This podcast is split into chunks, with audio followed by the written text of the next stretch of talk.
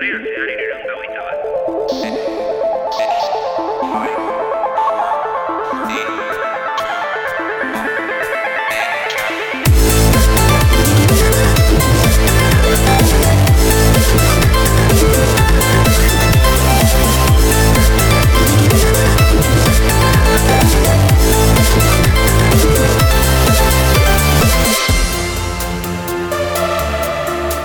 Azken saioa irureun ta hogeia duela oso gutxi izan zela dirudi, baina egia esan da, pasaden saioa e, in, e, uda baino lehen izan zen, ekainan izan zen, eta ja urrian gaude, ira ia hiru hilabete pasa eta sarean zarekin bueltan gaude teknologiari buruz hitz egiteko, ze azkar pasatzen den denbora.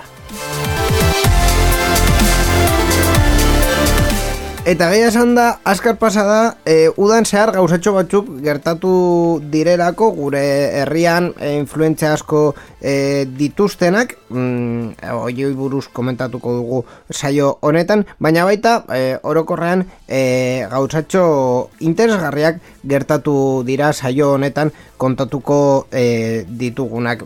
Hor erdian egonda beti bezala Apple, Europa, Gauza, gauza interesgarri asko egon e, dira saiatuko gara urrengo e, orduan zehar guztiak komentatzen, baina ziur baten bat eh, hor alboan utzi beharko dugula urrengo programarako. Dena den guztiak beti bezala izango dira teknologiari buruz. Uste dut gaur gainera e, gai oso teknologiko puruak ditugu ez dugu e, komunikabidei buruz hitz egingo asko.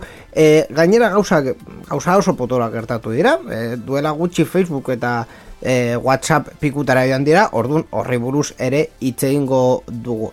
Beti bezala e, hemen zaudeten e, irratian edo podcast e, jasotzelean e, ba, betikoekin eta e, betiko egunetan. Bi astetan behin sarean zehar egingo dugu teknologiari buruz hitz egiteko pizkatxo bat zuekin.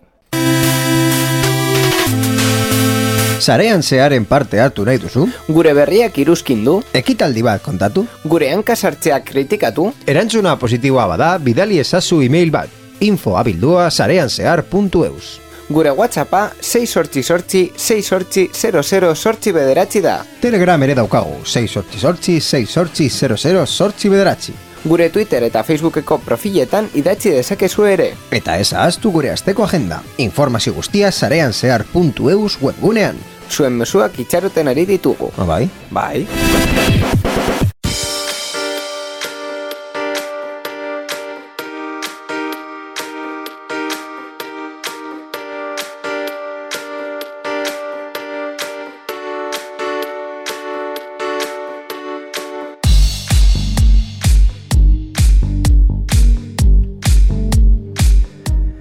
Zean maizen abestia kopiatuz ez da negua joan, baizik eta uda joan da, eta sarean zehar bueltatu da, behin uda joan da. E, eta behin mm, sarean zehar hasita, ba, mm, betikoen e, aurkezpena egin behar dut, ni e, inigo sendino naiz, e, batzutan, beste batzutan agian ez orokorrean, bai? Baina nire aurrean e, berri teknologikoak komentatzeko eta gutxi gora bera betikoa egiteko e, daukat hemen Borja Arbosa, arratsaldeon. Arratxaldeon inigo, ez da, pentsatzen eh, nengoen behitu entzuterakoan eh, jingle hori eh, kontaktu edako erak eta Whatsappa eta Telegram. eta ez, ez bakarrik hori hori kontatuko dugu eh, etortzen den momentuan, baina baita ere esan behar dugu eh, Twitchen eh, hasiko hasten garela emisio, bueno, ez, ez eh, berriak zen eta pasaden denboraldian baita ere emisioak egiten genituen Twitchen, Bai. baina pizka bat aldatu dugu formatua, orain ja Twitchen afiliatuaren eh, programan sartuta, Ora- eta posible da gurekin eh, mezuak eh, zuzenean eh, hor eh, em- Bidaltzea. emotea, bidaltzea hori, hori da. Hori, hori egia da, sarean zehar grabatzen dugun bitartean Twitchen emititzen dugu eta mesuren bat agertzen e, Orain gure hankak sartzea kritikatu aldituzue zuzenean. Hori egia da. ba, e, mesuak e, komentatuko irakurriko ditugu, mesuren txosten bat badago, pasaren denboraldian noiz ere e, horrelakoa egin, egin genuen, eta egia da e, Twitchen emisioak jarraituko ditugula Euska Digitaleko kanalean. Euska Digitaleko baliabideetan ere gaude konkretuki Patreon horrian, ere sarean zearen ekoizpena eta orokorrean Euska Digitalen ekoizpena e, sustatu nahi baduzue, ba hor e, gaude ere patreon.com marra Euska Digital, e, sarean zehareko arpidetza bi eurokoa da, eta Euska Digital guztiaren arpidetza bost eurokoa da, beraz, e, bi bide daude e, gurekin ba bueno e, gure baliabide ekonomikoak pizkat sustatzeko eta eta mecenas egiteko. Mecenas egiteko hori da eta laguntzeko e, saio hauek aurrera e, eramatea Orduan, e, ba bueno, e, egia da, par, gai ekonomikoa... Et, eta aparte, Twitchekin Amazon Prime badaukazu, ni bezala, ez, ez, ez du doakoa, euro bat kostatuko. Doakoa da arpidetza. Doakoa da arpidetza, hori egia da, guri uste dut bi euro dolako zerbait ematen dizkibutela, eta e, egiten duenaren txat, arpidetza e, doakoa da. Edo zein laguntza, eskertzen da. Hori da. Bueno, Borja, diru eskatuz aparte. ez, ez dugu hori egingo jau denboraldiaren zehar, ja, le, lehenengo programa da esateko, azkenengoan eskerrak emateko, eta ja. Eta ja, o, ondo iruditzen zait. E, orokorrean ze moduz janda uda, ze, ze egin duzuz, ze, ze lan orokorrean. Bueno, lan eh, asko, baina euro gutxi esaten den bezala. asko baina euro gutxi. baina bueno, udan normala da hori. Hauza asko egiten dituzu, baina lanean esain beste eta ordaintzeskoak ez da ez, ez dira baita ere asko. Baina ondo, ondo, esan, eh, esango dugu ondo egon dela uda hau. Se, pobre garen, de verdad, hau eskoa da. Eh, norbait agertu behar da hemen, baina ez, ez bi euro eta ez, eh, diru mm, kantitate handia jartzeko.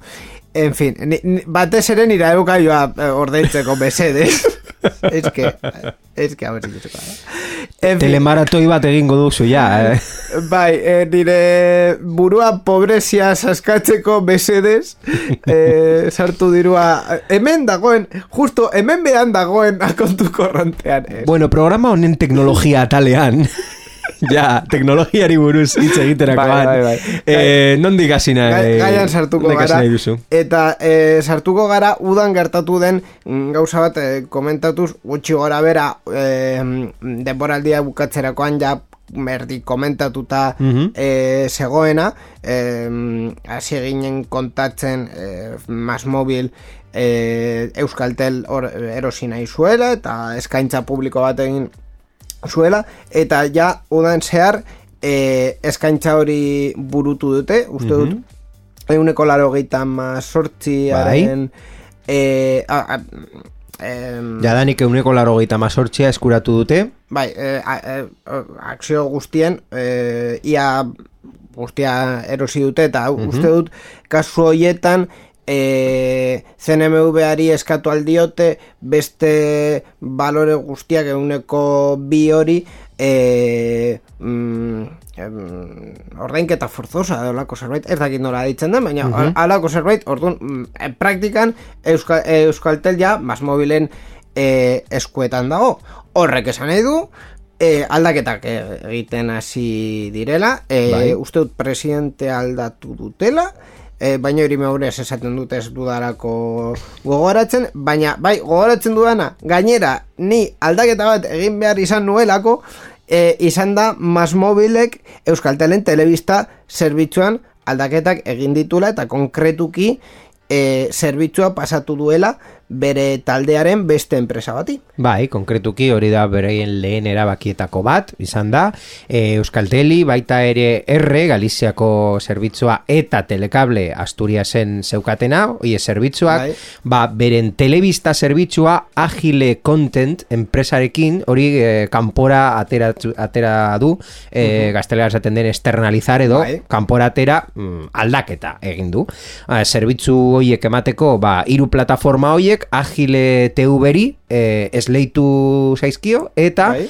kanpoko hornitzaile hori aktiboak eta langileak ea, e, barkatu hogeita amabi milioi euroren truke eskualdatuko zaizkio. Bai, e, hori izan da aldaketa e, esan dugu, esango dugu nagusiena. E, horrek suposatzen du ere em, bezeroen datuak pasatu dituztela e, enpresa honi, Agile TV enpresari.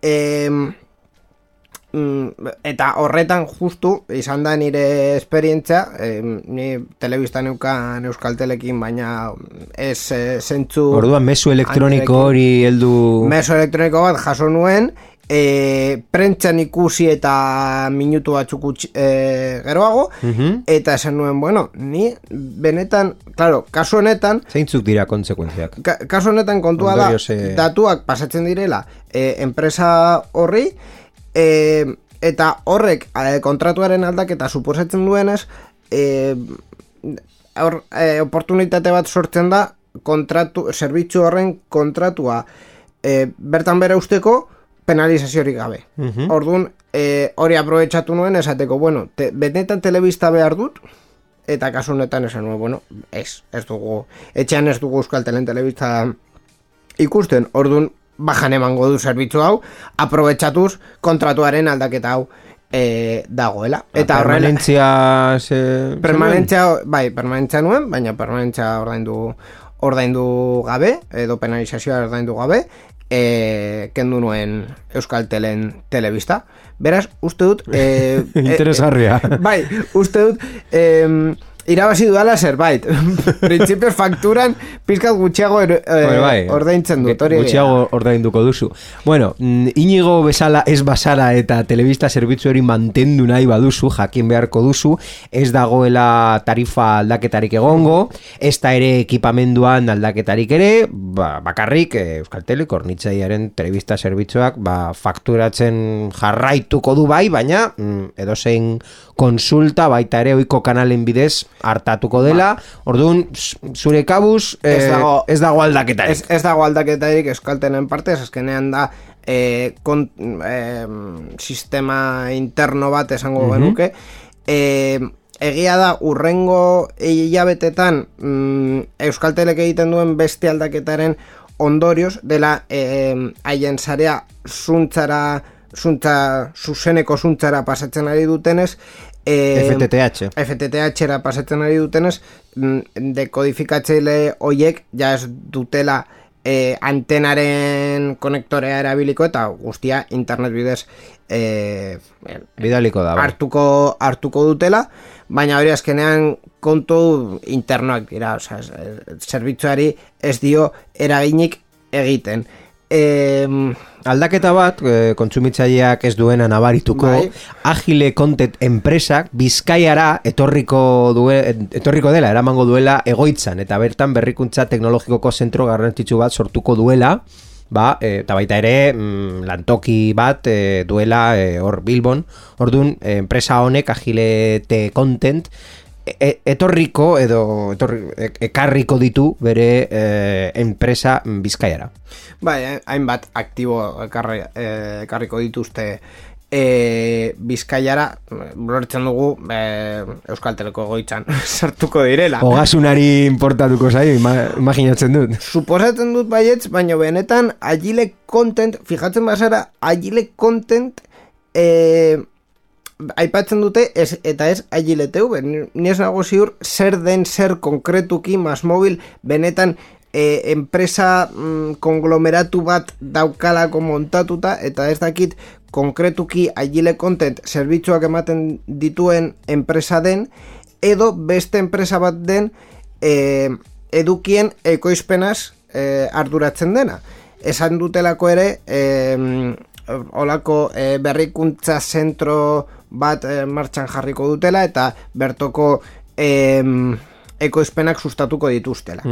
Egia da, e, Euskaltela adibidez e, martxan jarri zuela duela hilabete gutxi EITB-rekin e, zine euskaraz edo horrelako zerbait eitzen zen zerbitzua eduki asko, EITB-ren e, artxiboaren eduki asko Euskal Teleko bezeroentzat e, jartzeko orduan. Ulertzen dut hildo horretatik jarraituko dutela, eta kasu honetan agile content enpresaren bitartez izango dela, baina ez dakit e, enpresa honek ere zerbitzuak ematen e, dituen, eta batez ere, ogasunari importa zaiona, zerbitzu hoien besa hemen e, mm, mm, ordainduko baduten, adibidez joegoko bezero guztien e, telebista zerbitzuak. Nik Ez dakit- nuke baietz, lehenik eta behin bere, bere e, goitza hemen bizkaian badago mm, lehenengo pausu interesgarri bat da. Bueno, ja, be, bere fakturazio handia, fakturazioa handia bada eta bere fakturazioen zati bat e, bizkaiatik kanpo emoten bada, ba bizkaiatik kanpo e, hor e, bere zergak ordainduko ditu, baina gutxienez bizkaian egiten dena, mm, bizkaian ordainduko da, hori badakigu. Bai, baina hori gertatzen zen ere Euskaltel eh, Bai, bai, bai. Euskal, Euskaltel Gu, enpresaekin. gutxienez esango dugu ez duela galduko. Bai, bai, aldak, zentzu horretan aldaketarik ez dago. Azkenean, eh, eh, agile hornitzaile, bai, eh, operagaiontzako hornitzaile bat denez, eta zu ez duzunez agileri eh, aparte eh, eh, ezer ordaintzen, suposatzen da eh, fiskalki zure fakturak emititzen dituela zure operagailua, hau da, Max Mobil edo Joego, edo kasu honetan Bai, bueno, baina eh, importantea da azkenean diru hori no, non geratzen da, hau da, zuk eh, Euskalteri ordaintzen diozu, baina Euskalteleri hornitzaile bati e, bizkaiatik kanpo dagoena, ba, diru hori bukatzen du, non? Hori da, Ja. hori da gauza, hori da ogasunak ikusi nahi duena. Ez, Bai. ez besa baizik eta e, ez dakit, e, bestelako Diru, diru mugimenduak diru orokorrean. Baita ere, diru mugimenduak eta lanpostuak eta ekonomia, batez ere. Egunen batean eitzegin beharko genuke tiket bai buruz, hori, Bueno. baita ere dela Bueno. movida eh, fiskal teknologiko oso oso interesgarria. Urrengo gaia, inigo. Bai.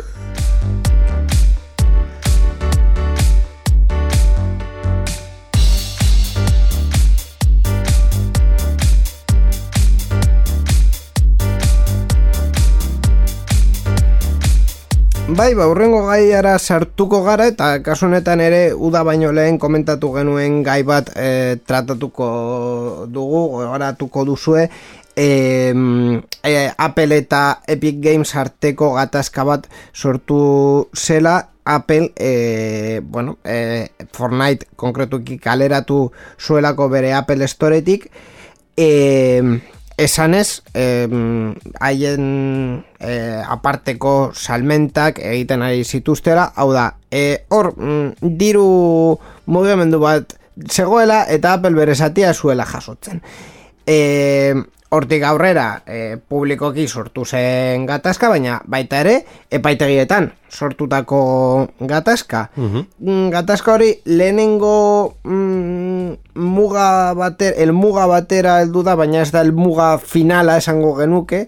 Txe, lehenengo checkpointera heldu da dela e, lehenengo sententzia argitaratu dela. Esaten dut lehenengoa beti bezala epaitegien kontuetan rekursoa e, aurkeztu delako, ordun bigarren sententzia bat egongo e, da ziurrenik. Baina, bueno, ziurrenik, bai, bigarren sententzia bat egongo da. E, baina, bueno, lehenengo sententzia horretan, e, e, e, basikoki e, Epic Gamesen e, Epic Gameseri arrazoia ematen zieten, baina Apple uste dut ez dela e, hemendik mugituko eta ez ditu aldaketak egingo, ezta? Kasun nahiko mamitsua izan zen, orain dela mm, urte bat gutxi gora bera kontatu genuen, zen hau getatu zen pasaden urtearen udako denboraldian, non, e, zuk esan duzu kanporak eta bat izan zela, baina eske e, ostika da oso handi bat izan zen errealitatean. Pizkat Bai. e, alderatu aldugun, ona, e, imaginatu e, diskoteka batean atesainak hartzen zaitu alkondaratik eta e, botatzen zaitu horrela Kanpora, bai, bai, bai. kanpora zure, zure, edo zure etxera edo kalera. Ordun, e, zer egin zuen e, Fortnite, kasu honetan Fortnite e, bideojokoa Epic Games dela e, Fortnite kudeatzen duen enpresa, Appleen e, ba, mm, salaketa bat jarri, e, demanda bat, eta epaiketara jun. Zergatik, esaten duelako, Appleek monopolio bat bezala kudeatzen duela bere plataforma, e, kasu honetan, App Store dela e, sistema operatibo iOS erako e, ba, hor daukasun e, aplikazio denda bakarra, dakigunez, ez dago aplikazio be, denda alternatibo bat, zure zure mm, iPhonean eh, aplikazioak izateko, nire ustez ez, ez dago beste aukerarik, ezta? Ez, ez, ezin duzu beste... Hada, modu independiente batean lortu aldituzu aplikazioak zure telefonoan ez, ez, jartzeko? Eh, ez baduzu homebreak egiten, hau da, ez baduzu eh, softwarea Apurtzen. ap, apurtzen edo aldatzen, ezin duzu aplikazioak beste leku batetik eh, instalatu. Ba, hor dago gakoa, ordun. E, Epic Games esan zuen Appleek monopolio bat desala kudeatzen zuela bere e, App Store, Appleek esaten zuena da, bai, bai, oso ondo, baina hauek dira nire gure, gure denda, eta nire dendan egon nahi bazara, euneko hogeita marra uste duzela e, portzentaia, eman behar didazu edozein diru sarrera ematen dizuenean, eta edozein diru sarrera esan nahi du, ez bakarrik zuk e, aplikazioa ordaintzen duzunean erosterako, baizik eta gero aplikazioa erabiltzerakoan, eta hori zen e, arazo nagusia, aplikazioa erabiltzerakoan Fortnite joko bat da, eta joku beste asko bezala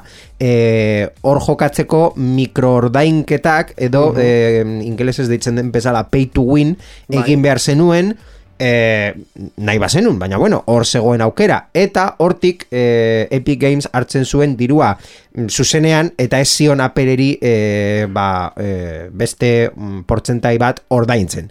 Eta Applek esan duen hemen eh, baita ere nire portzentaia nahi dut eta Epic Game ez eta Applek ba kanporatzen zaitut ba, Bai, hori izan zen gutxi gora bera pasaren denboraldian komentatutakoa. Mhm, Bai, orduan, zer gertatu da, lehen e, sententzia bat atera da, non, e, ba, epaiak esaten du, e, Epic Gamesek e, eta beste aplikazio batzuk, ez da lehenengo kasua, baina bueno, kasu honetan Epic Gamesek eskubidea daukala bere e, sisteman, bere remintan, bere aplikazioan botoi bat jartzeko non bere zerbitzu propiotara bida, bidaltzen zaitu bai. horrelako ordainketak egiteko eta hor hor e, leku horretan Applek ezin dio zerga bat jarri, nola baita esan da, baita ere esaten du Applek ez duela e, praktika monopolistiko bat atera, edo ez dela monopolio bat.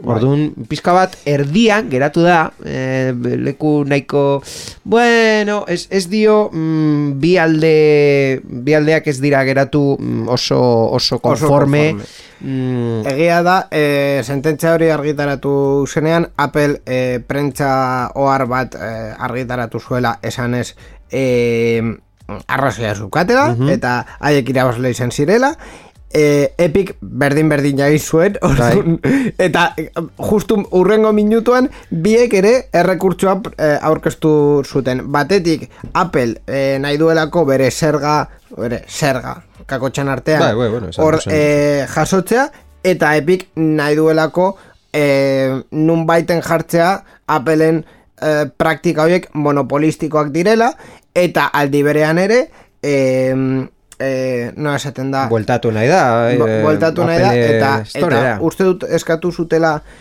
eh, ai, sententzia baino lehen em, em, zerbait egin behar dela eskatzen duzunean Bai, ez- epaileari.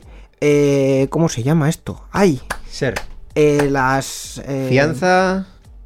ez kontxo eskaten, eskatzen dio zuenean bitartean, osea, sententzia aurkezten eh, em, argitaratzen duzun bitartean Neurri provisionalak. provisionalak Ah, vale. hori nora, nora ditzen da Wow. eh, en castellano eh, Eh, medidas provisionales cautelares. Kautelares, hori, kontxo Ba hori, e, uste dut ere Epic e, horrelakoak eskatu zituela Kautelazko neurriak. Kautelasko neurriak eskatu zituela Eta e, epaitaiak kasu honetan esan zuen Bueno, e, uste dut ezetz, bale? Osea, daiko bigarren e, berrikusi bat egingo dugula Baina sententzia kontekstu hor jarri behar dugu zergatik kautelazko neurriak, zeren kasu hau ez da oraindik bukatu, baina Epic Games App Storera bueltatu nahi da eta e, momentuz Applek esan duena ez e, oraindik ez.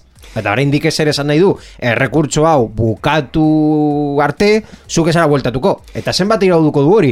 Eh, Hainbat urte ez dakigu, eta dirua galtzen dut bitartean. Claro. Hor- Hori da Ep- Epic Gamesen em, mm, Bai. puntua edo eh, haiek esaten dute hau eh, galera ekonomikoak sortzen ari Eta ez da. Ez da gezurra. Hore, bai, egia da. Osea, e- egia da. E, gero esan beharko genuke zein portzentaiakoa edo zein den kantitatea konkretuki, mm, baina, bueno, bai, galera bat badago. E, bueno, mm, historia honen bigarren kapitula, irugarren naia e, urte batzuk barru, edo hilabete batzuk barru. Bai, eh, urrengo borroka izango dugu ez dakigu, non? Ez- Eta noiz? Bai, eh, hori da baita ere em, ba hori epik esaten zuena e, kautelasko neurriak e, eskatzerakoan esaten zuen bueno, a ber, bost urte gehiago emango badituzu. Gutxi gora bera hori ematen duelako e, horrelako gatazka baten bigarren sententzia bat errekurtsoa eh, Amerikako eh, estatu batuetan. mm, konpontzea edo, ba, epik esaten zuen, bueno, esto, ezin dut bost urte on, olegako tonteriarekin egon. Nor dakien, bost urte barru zenbat pertsona ja jokatuko duke Fortniteen. Non egogo gare, bost urte barru, ez dakigu.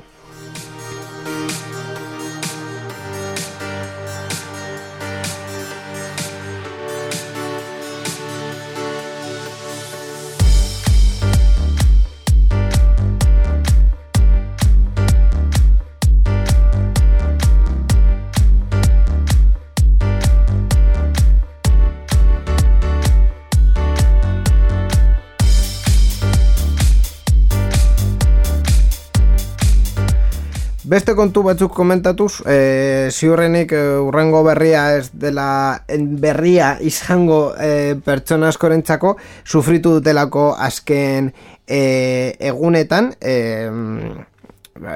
zerbitzu oso erabiliak direlako eta eta bueno, jende asko erabiltzen eta e, erabiltzen duelako bai bere bizitzarako baita batzuetan ere lanerako. Eta ez da oso gomendagarria.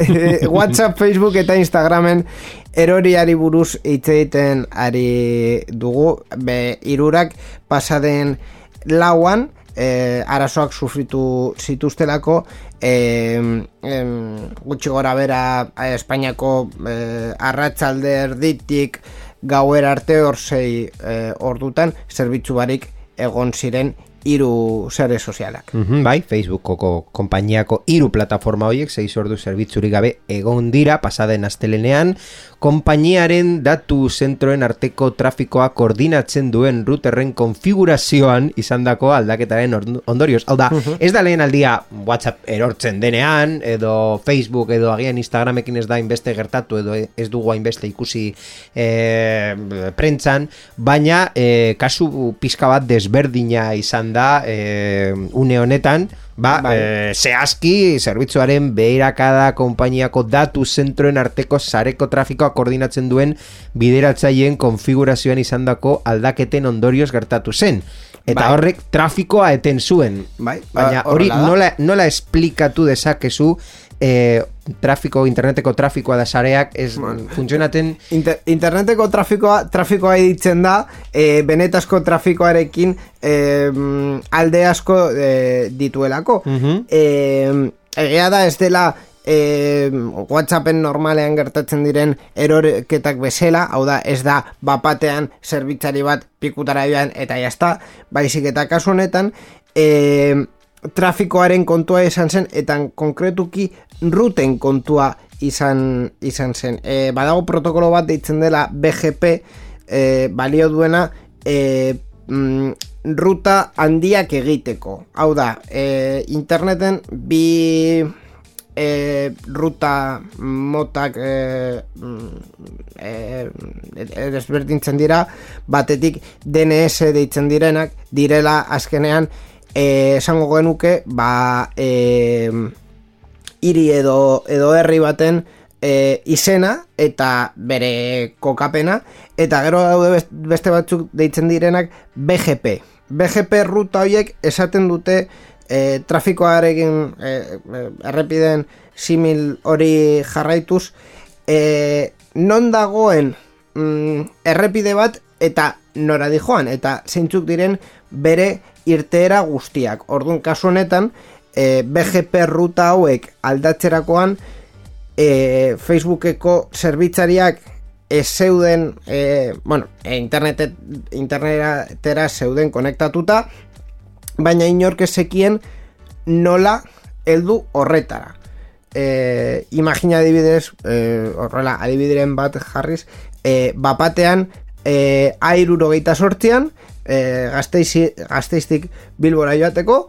mm, ez errepidea desagertzen dena, baizik eta kartel guztiak desagertzen dira. Orduan, bapatean, ez, ba, ez badakizu nola joan, ba, gazteizko irterean ez du eser jartzen, eta errepide osoan ez du eser jartzen. Orduan, nora dijoa errepide hori? Ez dakizu. Ba, horrelako zerbait gertatu zen, gainera, e, interneteko paketeak ez daukate memoria, da, ez dakite nora joan. Bezan behar diozu, konkretuki, e, zein den haien urrengo e, elmuga, edo jarraitu behar, obeto esena jarraitu behar duten urrengo seinalea. Mhm. Orduan, e, similo horrekin, ba, klaro, e, zu gazteiztik e, irteten zinen, baina esenekien lehenengo e, desbideraketa horretan, e, ez, eskuinera joan behar bazinen, e, iruñera edo recto jarraitu altu berantz. Ez, ez, e, paketeak ez sekiten nora joan. Zen. gazteizko lehenengo rotondan sartzen zen eta Gazteizko leheneko rotonda sartzen zen Eta ja, ezin zuen jarraitu. eta zorabiatu. Ba bai, horrelako zerbait. Orduan, ez, ez da guzti zuzena, bale, teknikoki ez da guzti zuzena egin dudan e, azalpena, baina e, gutxi gora bere ikusteko zer e, gertatu den. Claro, gainera, e, Facebook bere zerbitzari propietan dauzka bere zerbitzuak, baita zerbitzu internoak, baita korreoa, eta baita e, bere data terretan dauzkaten segurtasun sistema guztiak e, txartelen verifikazioa barne. Orduan, ze gertatzen zen, e, e, autorizazioa zeukaten pertsonek ezin zutela datazentrera sartu, ezin zutelako, osea, txartelak ez- ezin joazten. Claro, eta horren eh, horretaz aparte ere eh, aldaketa horiek egiten dituzten pertsonak normalean ez, da, ez daude fizikoki data terretan, bestela oso erresa izango zen eh, konpontzea, dut, ez, ez, ezin zuten sarraia gile bati deitu E- etorri eta atea ireki Ez, dut, ez dakit nola sartu ziren. Suposatzen dut beste eh, normalean segurtasun horrelako neurreak eh, dira eh, deitzen Bai. denan eh, fail safe. Hau da, eh, ez badoa, defektuz sartu alzara, sartzeko aukera izan behar duzulako. Edo behintzat, ateratzeko aukera. E, eta horretaz aparte, claro, e, datazentralera sartu ziren pertsonak esekiten ze aldaketak egin. Orduan, aldi berean, gainera hau guztia komunikabideen bitartez jakin genuen, aldi berean, e, norbait zegoela telefonoarekin beste pertsona batekin hitz egiten esan el bueno, ze aldaketak egin behar ditut. Eta eskus egiten, hor datacenter batean. Gero ja, hori edatzen da eta datacenter guztitan gordetzen da esarpen hori. Beit, beitu ze gaizki zeuden gauza jendea SMS-ak erabili behar zituela SMS-ak Bueno, edo Telegram. Edo Vaya, Telegram. Vaya! Vaya Telegram ere arazoak izan zituen, baina kasu honetan, hainbeste jende sartu zelako... Baina hori ziklikoa da Be, be, Beti WhatsApp erortzen denean jendea ja Telegramera doa. Telegramera doa mm, em, masan Eta Bai, hori bai, ja, bai. masa hori Ba, noski telegramei arazoak ematen die Baina hori beti, beti getatzen da Hori egia da. Em, ba, hori, izan zen eh, mm, Facebook, WhatsApp eta Instagramen Mhm. eh, kontuan. Em, dena den, em, ez da, ez da izan, azken egunetan izan duten eh, mm, arazo bakarra. Urrengo berria komentatu baino baino lehen esan behar dut e, konpainia daukagu txatean ja e, gaizka hortik atera da e, lehen- lehenik eta behin arratsalde honen bateko eskerrik asko gaizka hem- hemen egoteagatik eta baita ere esateko e, zenbat denbora ematen duzun Facebooken inigo. Zenbat denbora ematen dudan Facebooken? Zero. ja, bueno. ni zero. Ni ez dut Facebook ukitzen esertarauko. Gainera, e, lasterbide bat neukan nire nabigatzelean eta duela gutxi kendu dut ez dudalako Facebook erabili nahi. Baina, baina, baina, baina, e, Instagram bai. Por cierto, gaizka dauenez e, txatean, esan behar diot, gaizka, e, bidali didazuna Instagramera argitaratu behar badut, esaidazu mesedes, ez dakidalako zer den. Hemen gaudelako. En fin, e, hori, hori guztia esan da, e, Instagram eta, eta Facebook ez dute e, polemika mm, baztertu azken e, hilabetetan. Eta kasu honetan batez ere Instagrameko e, kasuan e, gauza oso, oso grabeak, oso larriak izan e, direlako. E, Instagramek eta e, konkretuki e, zuzendaritzan dauen, dauden kargu altuak badakitelako nerabentzat toksikoa delako eta e, bueno, bat, e, basikoki eukatu dutelako informazio hau e, dakitela eta SRS egitea informazio honekin. Bai, badakigu edo bagenekien denbora asko komentatzen ari zen Instagramen zeukanen, ba, bueno, arazoak, agian ez da plataforma bakarra horrelako arazoak dauzkana, baina The Wall Street Journal egunkari famatuak argitaratutako gaiari buruzko ikerketa bati erantzun egin behar izan diote, eta e, noski e, ikerketa horiek esaten zen e, Instagram nerabentza toksikoa dela, baita ere bere gorputz irudiaren arazoak sortzen dizkiela, eta ba... Mm, Beraiek ez, beraiek esaten dute, mm, beraiek inkestatu dituzte neska gazte gehienek, uste dutela Instagramek lagundu egiten diela kalte egin beharrean. Eta bueno, eh, hori hori ja mm, gauza pertsonalak dira eta bakoitzaren eh, iru, eh, beraien irudietan utziko ditugu edo beraien iritzietan utziko ditugu Instagram eta bestelako aplikazioak, beste uste dut aldietan izan dugu aukera hitz egiteko, ba, ez dakit, TikToken, TikTokeri buruz, e, bestelako sare sozial bat bati buruz hitz egiteko, baina mm, hor daude datuak, e, programa, beste programa famatu, prentsako programa famatuak esaten zuen bezala, hor daude datuak eta zuek izango dira. Zuenak ondorioak. El objetivo, sarean zearen.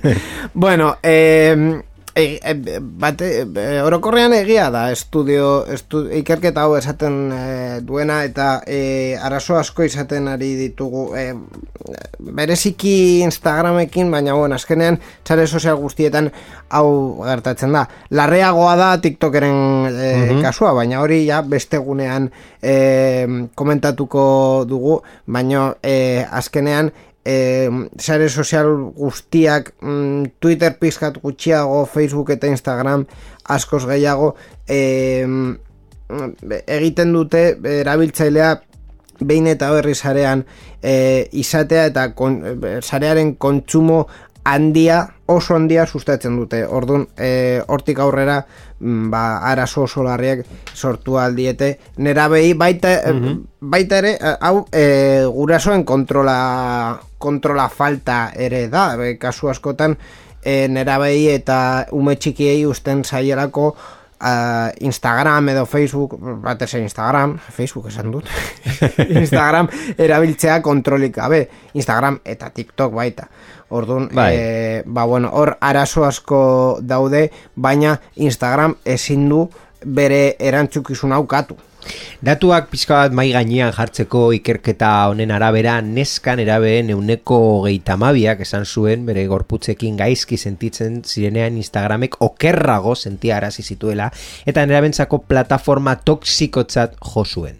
Bai, e, horrela da. E, arazoa da, ba- batez, bueno, arazoa gure gaur egun bizitzen dugun munduan e, neskek orokorrean e, zati e, a, bai, kaltiga, kaltegarriena jasotzen dute, baina mutiekin ere gertatzen da. Kontua, ez da eh, Azkenean Instagram irudiaren sare soziala esan da. aldugu izan dela eta irudia puntu zentral batean jarri duen uste dut lehenengo sare soziala zeren e, Instagramen atzean zeudenak eh, Facebook edo 20 gogoratzen ba, badugu Bai. gure guk eh, horrelako adinak genukagun momentuan 20 existitzen zen eta jendeak Bai. hor igotzen zituen argaziak ez zuen baina zer ikusirik. Claro, eta eh, gaur pizka bat e, irudiaren eran gaude, irudia oso oso garrantzitsua da eta e, horrelako kulturan ba, ambiente edo ondorio toksikoak mm, gertatu aldira eta uste dut kultura horretan e, presidente edo edo batzarren e, bai, nagusia da Instagram. Bai, eh, horrela da, eh, Facebooken edo Twentin komentatu duzun bezala, eh, irudiaren garrantzia ez zein nahin beste, beste gauzak zeuden, hor, eh, zegoen Bai. baita ere txata, mesuak, bideoa, eh, nola ditzen zen eh, Facebooken, eh, tabloia edo... Bai, zure muro... Muro, hori, muroa eta bar, ba, a- hainbat... Hor ezaugarri arazoa da zeuden- zen zure bitzitza gehiagik kontatzea, baina ez... Bai, baina bueno, hori, hori e, idazten zenuen edo ez zenuen idazten. Bai. Baina e, arazoak ere e, Jendearekin hitz egitea, chat directo, ni gogoratzen dut eh, 20 chat eh, jarzu, jarri zuen momentuan, MSN Messenger bertan bera utzi zuela. Bai, bai. Baina zertarako sartzen zinen, ba, bai, zure azkenengo argazkia jartzeko, zure festa azkenengo astean, eh, asteburuan festa non jun ziren eta norekin egon, eta pizka jendearekin hitz egiteko klase eta gero. Bai, bai, bai, e, horrela da. E, beste, a, sare soziala hori buruz beste apunte bat, eta gainera linkatuta dagoena, e, da Facebookeko e, nerabeen portzentaia euneko emeretzia jaitzi dela azken bi urtetan. E, ez gara oso sakonki datuetan sartuko, baina egia da e, irudia potere asko duela gaur egun. Joku horretan Instagram oso ondo kokatu da, TikTok ere, eta eta bueno, e, uste dut ere mm, e, sare sozial hauek mm, ar, arduraren bat hartu behar dutela eta erantzukizunen bat e, hartu behar dutela ere. Ba, hau da, hau da ekintza ondorioa, hau da bakarrik eh, beste sare sozialeko eh, aurrera pauso bat eman dutela onelako eh, adina daukaten jendearekin, eta noski Facebook ba, horrelakoa galdu du. Eta ba, atzeraka doa, eh, erabiltze gaz, erabiltzaile gazteenen artean, Bestelakoen, ba, esan, esan aldugu baita ere, baina Bai. hemen ez daude datuak. Eta e, erabiltzaileen erabe aktiboen euneko, basuk esan duzun bezala, emeretzia galdu du azken bi urteetan, eta 2008a iruan zifra honi euneko berrogeita bost gehiago murriztu daitezken beldur dira. Hau da, ez da, e, hemen daukatera, baina iz- baizik eta e, torkizunean etorriko dena. Orduan, e, zer, zer esango dugu? Ba, Facebook urrengo urteetan berakada gehiago egingo duela? Ba, horrek dirudi, baina nik ez dauka honen kristalesko bola bat ikusteko etorkizuna. ziurrenik e, gertatuko da. Baina, bueno, oiek e, Facebook eta Instagramen e, kontutxoak edo potere e, ekilibrio hori.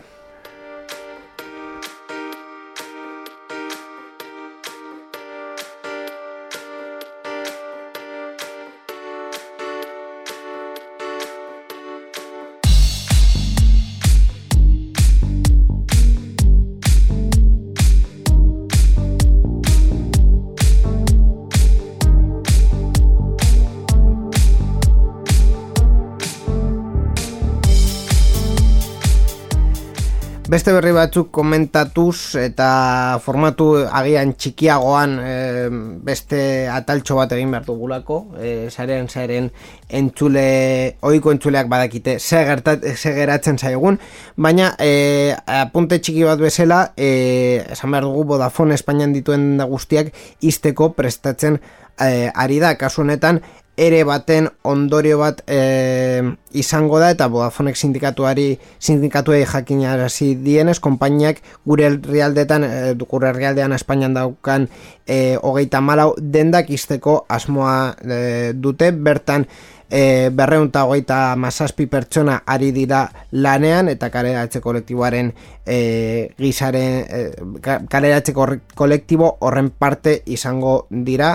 E, mm, orokorrean konpainia guztian bosteun pertsona e, kaleratuko dira. Horrek ez du esan nahi Vodafoneko dendak desagertuko direla e, beste guztiak frankizia bezala jarraituko dute, baino e, Vodafonek e, ja ez ditu denda propioak haiek kudeatutak e, izango. Eta beste apuntetxo bat oso txikia izan da azken egunetan Windows amaika atera dela. Windows, e, Microsoft esaten zuena ez dutela beste e, sistema eragile bat e, sortuko eta Windows amar bere, zure azken Windows izango dela? Ba Windows amaika kaleratu dute horrela udan zehar e, pin pam pun eta kalean dago. E, Windows amaika konkretuki oso tikismikesa da e, zaugarri konkretu batzuk eskatzen dituelako. Adibidez e, TPM 2.0 txipa segurtasun e, txip bat dela eta e, ez dagoela e, ordenagailu guztitan. Azken hiru urte gutxi gora bera e, urtetan bai sartu dela ordenagailuetan baina e, beste ordenagailu, ordenagailu guztitan ez da, ez da sartu eta agian gama basukoetan eta bar e, ez dago. Orduan, e, hor badago, ba, e, mm, e, konfiguratu alda Windows jakiteko hor dagoela, baino bestela, ba Windows amaikara ezin duzu eguneratuko. E, horretan ere kakotxak daude eta e, iruzkin batzuk egin dezakegu e, pertsona batzuk instalatu duterako e, baien mm, amaika urteko, amaika amabi, amabost urteko e, ordenagailuetan e, Windows amaika. Baina ez da e, orokorrena izango eta Windows ez dizu eskain, eskainduko e, e, Windows amaikara eguneratzea e, ez baduzu txip hori instalatuta e, ordenagailuan. Horrela izango da. Hori da, bestelako ezaugarrietan, ba, adibidez lau gigako RAM beharko duzu, Windows amarren bat edo bi giga beharrean zeuzkan, edo, be, beste garrantzitsu bat, ez da hainbeste, baina, bueno, kuriositate bezala, Microsoft kontu bat izan beharko duzu Windows amaika instalazio eta konfigurazioa amaitu al izateko.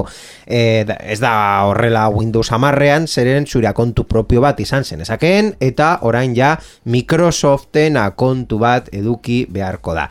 Bestelako gauzak, basuk esan desun bezala, e, TPM 2.0 chip hau, edo mm, bestelako ezaugarri minimoak eskatu, des, mm, eskatu dituztenak, hau da ba, e, sistemaren firguera UEFI eta ez e, BIOS eta horrelako gauzak ba, pizka bat zure ezaugarriak ikusi beharko dituzu zu ordenagailuaren e, karakteristikak eta kapasitateak instalatu baino lehen.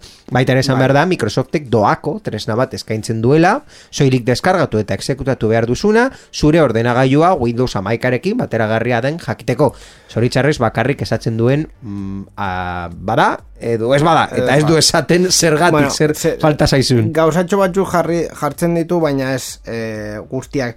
Dena den, e, pena bat da, benetan e, Windows amarrekin mm, e, ba, pizkat universalizatu zutelako e, Windowsaren e, esperientzia, hau da, mm, azken amar urtetako ordenagailu bat badaukazu, e, gutxi gora bera Windows 10 instalatu dezakezu. Ba, Windows 11 ez dakit mm, konkretuki zein den eh, helburua eh, Windowsaren eh, publikoa mur- murriztea edo ez dut, ez dut edo Ga galdera da ze ezaugarri berriak ekartzen dizu. Hau da, zertarako, ni Windows amar badaukat, zertarako Windows amaika, zer emango didate. Ah, Eta ez esan e, sekurtasun eguneraketak, ah, hori ja bagenekiela. ah, eh, titulol esango dizut. Ez, ez, ez daukagu titulol. Ba, ez, ez, benetan ez, ez dakit eh, ze ekarriko duten. Orain badaukagu titulol. Bai? Ez daukagu titulol. Zer- Zergatik ez daukagu titulol. Lehenengo programa eta ja lehenengo arazoak. Venga, izan behar dugu titulol. Orain bai. e, mai da zuzumutxu bat. Bai, orain bai. Titulol. Titulol arazu teknikoak izaten ari ditu. Mesedes, bueltatu minutu gutxitan. Ez, broma, da, titulol egingo dugu, e, batez ere nire aserrea, arridura edo mm, sensazioaren bat e, bilatzeko, ni suposetzen da, ja, ez dakidan berri batekin. Arazo bat dauka borja beti, ni e, teknologiari buruzko berri asko irakurtzen ditu dara. Orduan, ikusiko dugu mm, bere helburua betetzen duen edo ez. A ber, inigo, e, ikusiko dugu. Zenbat aldiz erori zaizu zure telefonoa e, lurrera eta zure bizitza mm, momentu honetan gelditu da eta zure bihotza eta upada momentu ikusi duzu... Zu... E, erakutsiko dut kamerara nire mugikorraren funda ze tamaina daukan ze lodia den, vale? E, mugikorrarekin konparatuz uste dut e, mugikor hau nahiko e, ondo dijoala funda honekin ez, dela, ez, ez duela e, kalterik jasoko. Ba, funda hori baino aukera lodiagoak daude. Bai, Eta- badakit, Amazonen asko. Ba, ba, beituz enpresa batek e, funda bat e, inventatu dute, deitzen dela AirTip, e, AirTip esan nahi du ingelesez throw your phone, hau da zure telefonoa bota, eta Ah, basikoki vale. T- bai, eh, TYP, throw your phone eta eh, zure telefono basikoki pelota bat bezala espumarekin eh, hor guztia eh, jar- jartzen dute eta supentsaten duzu eta hori zertarako Zer Bai. ez dut espumarekin pelota bat nire nire sakelako nire nire poltsikoan gordeko Claro. Zertarako da hori?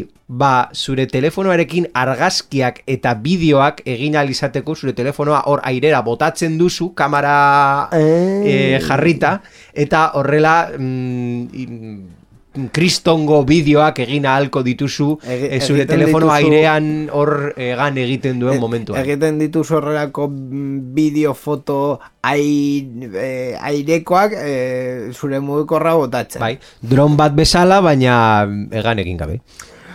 A, a ber, ni hau behin e, uste dut sorti, urte, sorti amar urtekin egin nuen e, Siemens C e, berrogeita amabos bat neukala esan nuen mugiko rau ezin da puskatu. Eta uste dut bost sei aldi bota nuela pareta baten kontra eta egia zen ez zela puskatu Orduan, Bueno, uste dut hau ez dela eh, edozi puntuan beharrezkoa, osea, ez. Beraiek ez dute ez dute horrela eh, publizitatzen baina egia da zure telefono momentu batean aserre hot oso aserre basaude eta pareta baten kontra bota nahi baduzu baita ere posible dela hau erostea horrelako gauza Mesedez. egiteko. Eh, saio hori bukaera emango diogu.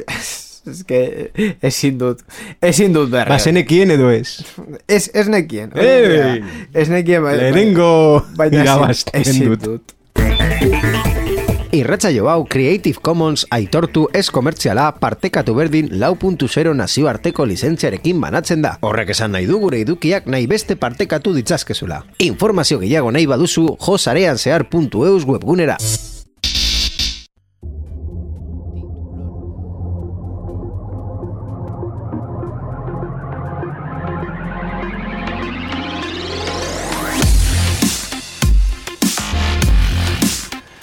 Ba, onaino ordun sarean zehar e, irureun hogeita bata izan den denboraldiaren lehenengo saio hau, e, beti bezala Borja Arbosaekin egin e, duguna, berrien atal e, honetan, Borja eskerrik asko berri hauek ekartzeagatik. Kontutxoak dauzkagu hor kolokan adibidez USB-C'aren polemika eta beste gauza batzuk hor geratu dira, a ber, a ber urrengo egunet, urrengo programan komentatzen ditugun. Bai, eta eskerrik asko zuri inigo, entzule guztioi batez ere hemen e, Twitchen zuzenean egon zaretenak eta komentarioak utzi dituztenak Snorlaxak, bai, komentatu du gaizka, eta baita ere Snorlax, eh, esan Ai, duela, euskera ez duela, Snorlax gizajoa. ez duela ulertzen, baina batez ere, baina hala ere, bai, saiatu da, Hor, geratu da. Así que eskerrik asko Snorlax gure, gurekin egoteagatik. Hori egia da.